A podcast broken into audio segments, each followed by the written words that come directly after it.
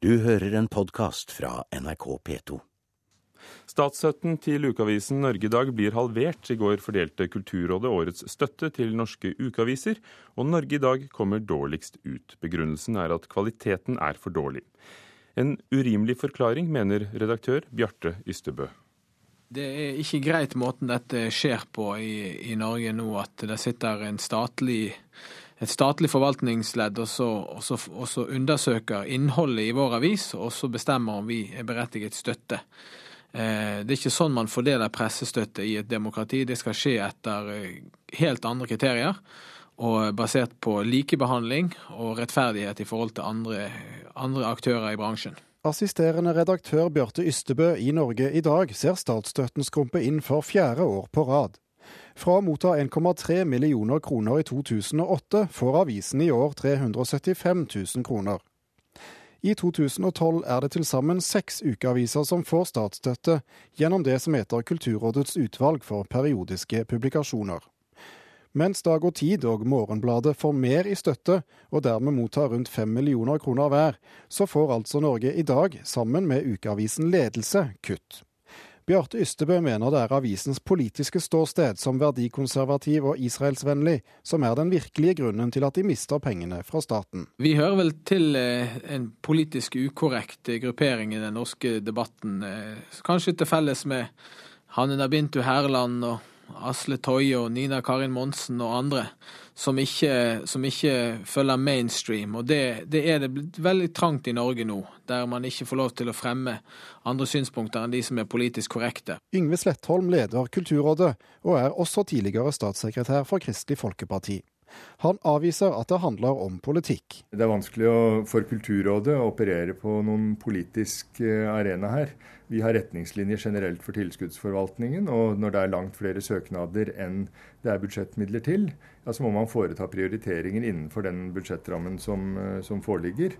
Eh, og det det særlig har vært lagt vekt på i, eh, i vurderingen fra utvalget her, er at det er visse redaksjonelle svakheter. Slettholm understreker at når Kulturrådet deler ut penger, så er det for å styrke norsk kultur.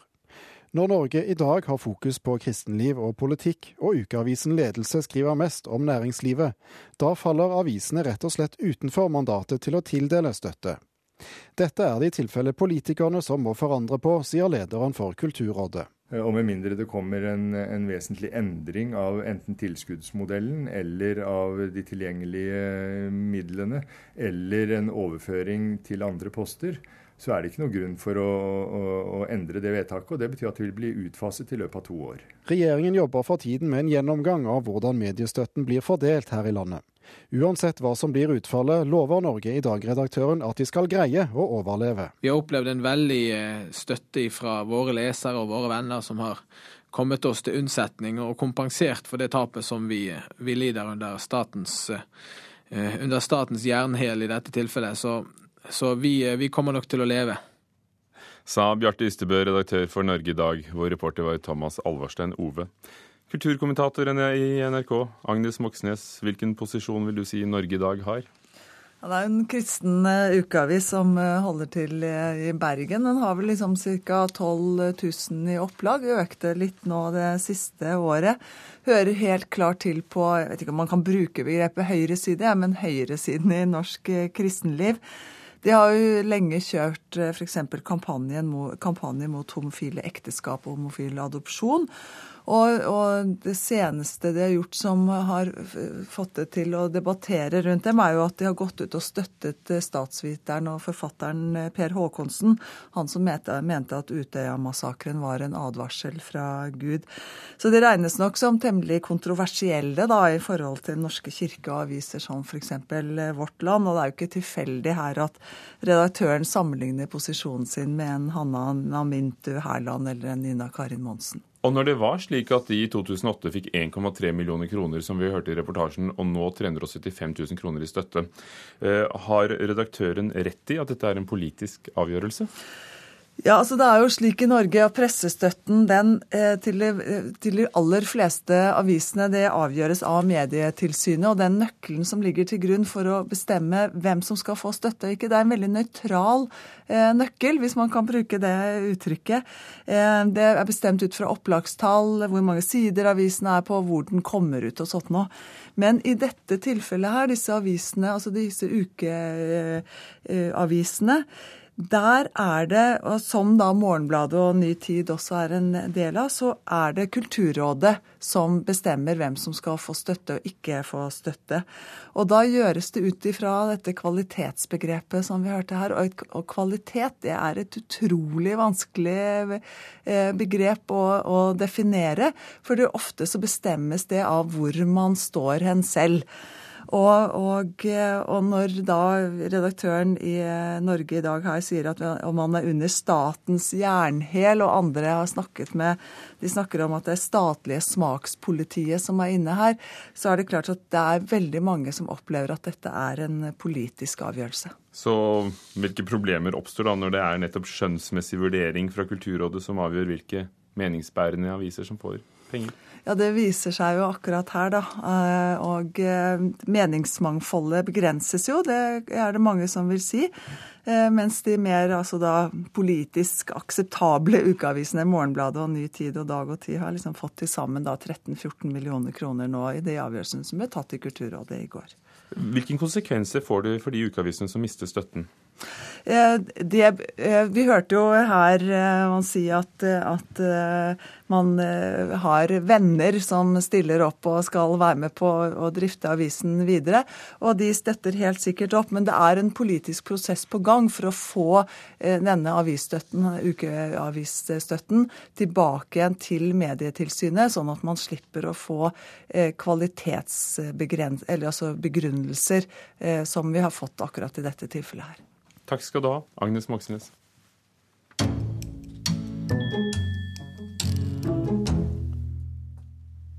Operaen må komme seg mer ut i distriktene. Det krever kulturminister Anniken Huitfeldt. Turnévirksomheten til Det Norske Opera Ballett ble halvert fra 2007 til 2010. I fjor ble bare seks forestillinger spilt utenfor Oslo. Og når Huitfeldt nå skal i møte med operaen, ber hun dem legge frem mer ambisiøse turnéplaner fra 2013, skriver Aftenposten. Et nytt spill i den populære Pokémon-serien ble nylig et av de aller mest kjøpte i Apples såkalte App Store. Problemet er bare at spillet ikke eksisterer. Det hele var en svindel, der kjøperne fikk opp en feilmelding da de så skulle starte spillet. Det er uklart hvorvidt kjøperne kan vente seg å få igjen pengene fra dataselskapet Apple, som ikke har kapasitet til å dobbeltsjekke alle applikasjoner som blir lastet opp på sidene deres, ifølge din side. Kortfilmfestivalen i Grimstad må bli mer publikumsvennlig hvis den skal oppfylle kravene som den knutepunktfestivalen den er blitt. I fjor ble det solgt beskjedne 168 enkeltbilletter til filmer under festivalen. Samtidig fikk altså festivalen 3,5 millioner kroner i offentlig støtte. Nei. Nei, aldri. Har du vært på kortfilmfestivalen noen gang? Nei, det har jeg aldri vært. Det har aldri falt seg sånn. Nei, jeg har ikke det, dessverre. Det er fordi at jeg har ikke vært spesielt interessert i kortfilm noensinne. Jeg er litt mer sånn, av en sånn langfilmentusiast. Jeg har gått med skolen før, men jeg vet ikke dato det er lenger. På gata i Grimstad er det langt mellom de som har besøkt Kortfilmfestivalen, som er blitt arrangert i byen hver sommer i 25 år. Omtrent like lenge har det vært en utfordring å knytte innbyggerne i Grimstad til festivalen. Kortfilmfestivalen er jo en smal festival. Det er en først og fremst en bransjefestival, men den har jo ambisjonen også kunne også være en folkefestival. Så vi har jo en utfordring til å markedsføre dette, men vi har jobbet med det i over 20 år markedsføre festivalen for folk i Grimstad. Det har vært mange arrangementer. Noen er vellykka, og andre ikke så vellykka. Det sier Øystein Haga, som representerer Grimstad i Kortfilmfestivalens styre. Mens antall solgte festivalpass og dagpass ligger nokså stabilt, ble det i fjor solgt 168 enkeltbilletter til festivalen. Det er under halvparten av hva som ble solgt av enkeltbilletter i 2009. Ja, Det er veldig lite. Det er veldig lite. Og det forteller noe om eh, vårt forhold til altså Grimstads lokalfolket i Grimstad, da, hvordan de har det i forhold til denne festivalen, det er lavt. I fjor fikk kortfilmfestivalen fornya knutepunktstatus. Det betyr at den er sikra penger fra Kulturdepartementet, men det betyr også at det stilles krav til festivalen.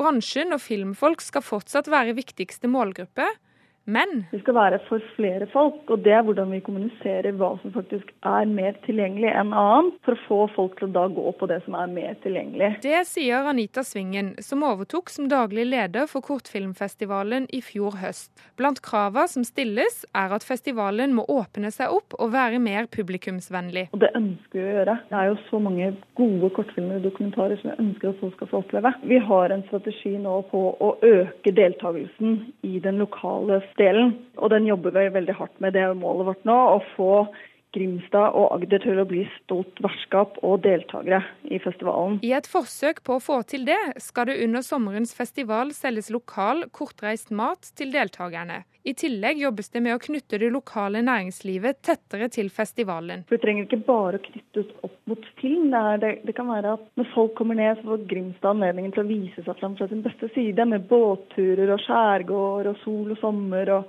alt det man forbinder med Grimstad og Agder. Siden hun overtok som daglig leder, har Anita Svingen besøkt Grimstad en gang i måneden for å bli bedre kjent og få et tettere samarbeid.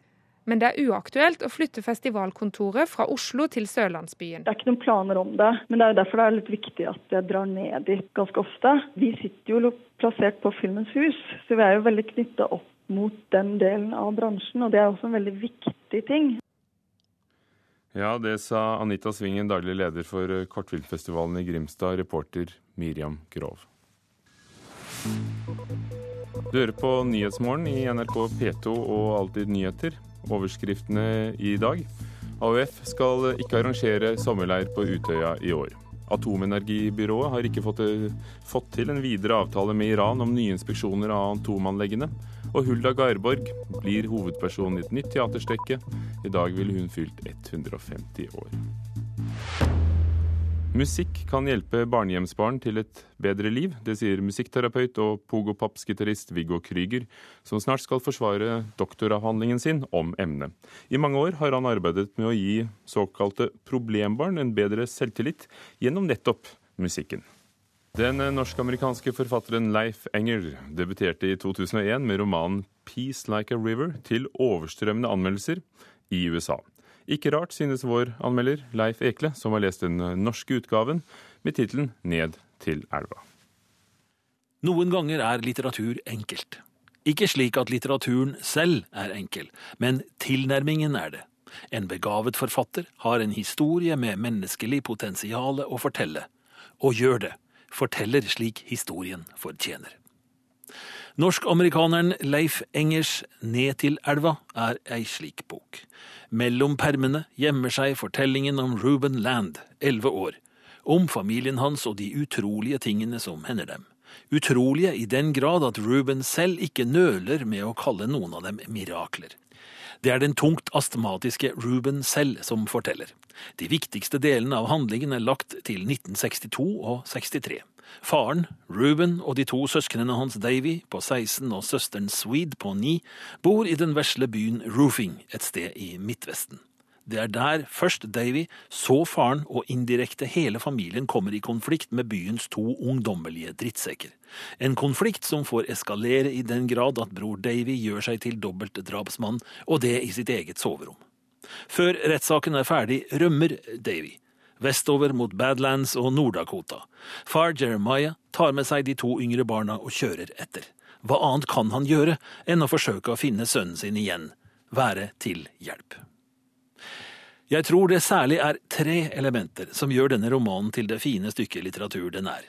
Først og fremst selve fortellergrepet. Rubens fortelling formidles av en voksen Ruben, men med en stemme som ikke har glemt undringen, naiviteten, uvitenheten og de tøffe leksene en elleveåring må lære.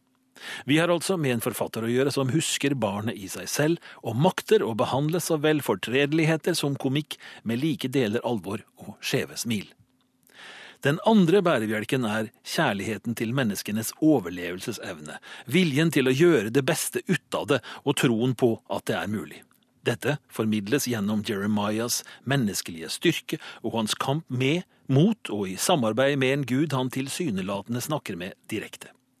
Men like mye gjennom hans møte med god, gammeldags kjærlighet av jordisk kaliber. Dernest via lillesøster Swede, en amerikansk sprengbelest utgave av Lille My. Swede har hang til Stain Grays westernromaner og til helteepos som outlaws, sånne som Butch Cassidy og John Wesley Harding. Swede, vesle jenta, skriver sitt eget epos underveis. Det tar romanen selv farge av, og blir en slags slektning av en tradisjon som peker tilbake mot skillingsviser og middelalderballader. Det tredje elementet som bærer mye av Ned til elva, er den absolutte nærheten til landskap, til vær, natur og makter som ikke alltid lar seg definere. Jeg er ingen miraklenes mann til daglig, men som Ruben antyder mer enn én en gang underveis, det er ikke så lett å tro det er sant, men jeg var der, jeg så det. Vi har gleden av å lese det. Og Ned til elva av Leif Enger er oversatt av Jon Erik Frydenlund. Leif Ekle hadde lest den for oss. Hulda Garborg ville fylt 150 år i dag, og nå er det på tide at hun løftes frem fra skyggen av mannen Arne Garborg. Det mener dramatiker Ingrid Morken, som snart er premiereklar med, med teaterstykket om forfatteren og målkvinnen. 150-årsdagen i dag skal feires flere steder i Norge. Hun er en nydelig dame. Hun var en veldig flott dame. Vi ser henne med den der bunadlua på, og stort, flott hår hadde hun. Og... Ingrid Morken står foran en byste av Hulda Garborg i Strandgateparken i Hamar. Hulda ble født og vokste opp i området, og her skal jubileet markeres i dag, som bl.a. i Oslo, Asker og på Jæren. I dag er det 150 år siden hun ble født. Forfatteren som var gift med Arne Garborg, og som også er kjent som nynorskforkjemper, og for å ha løfta fram norsk folkedans og utvikla bunaden. Dramatiker Ingrid Morken er snart premiereklar med et nytt teaterstykke som hun har kalt 'Brennende nesle'. Jeg hadde så lyst til å løfte fram Ulda Garborg, fordi jeg syns hun har vært i skyggen av Arne i alle, alle år. Og på mange måter så har hun satt større spor etter seg i, i den norske uh, kulturhistorien, i nasjonsbyggingen og i det norske. Et middagsselskap med Sigrid Undset og flere andre kjente damer som levde på starten av 1900-tallet, er ramma om den historien hun vil fortelle. De hadde en torsdagsklubb, disse damene. Det var Sigrid Undset og Fernanda Nissen og Barbara Ring og Kitty Kielland. Mange kjente navn. Og de eh, møttes. Og så spiste de godt, og Hulda hadde jo skrevet kokebøker og var opptatt av mat, så hun eh, lærte bort en del. Og så diskuterte de kvinnerollen særlig. Hun var veldig bestemt på at kvinner skulle ikke bli som menn. De, vi måtte ta vare på det, på det kvinnelige. Stykket har premiere i Asker i april og vises på Norsk litteraturfestival på Lillehammer i mai. Morken har interessert seg for Huldas forhold til mannen Arne og andre menn. Så Herrene, som hun sa, de, de likte også, også, henne veldig godt. Så, og Arne var ingen spennende ektemann. Han var uh, veldig eh, fjern i, henne, i, i det ekteskapet. Han hadde liksom nok med seg sjøl. Og Hulda hun var veldig utadvendt og danset og reiste rundt med spellaget sitt og, og traff menn og forelsket seg. Og så var det da den konflikten i, uh, hun da opplevde. Og det, det syns jeg er interessant, et interessant tema fortalte dramatiker Ingrid Morken, reporter Erlend Moe. Og i Kulturnytt i ettermiddag forteller Kari Engebretsen om da hun møtte Hulda Garborg en sommer i Alvdal rundt 1930. Du har hørt en podkast fra NRK P2.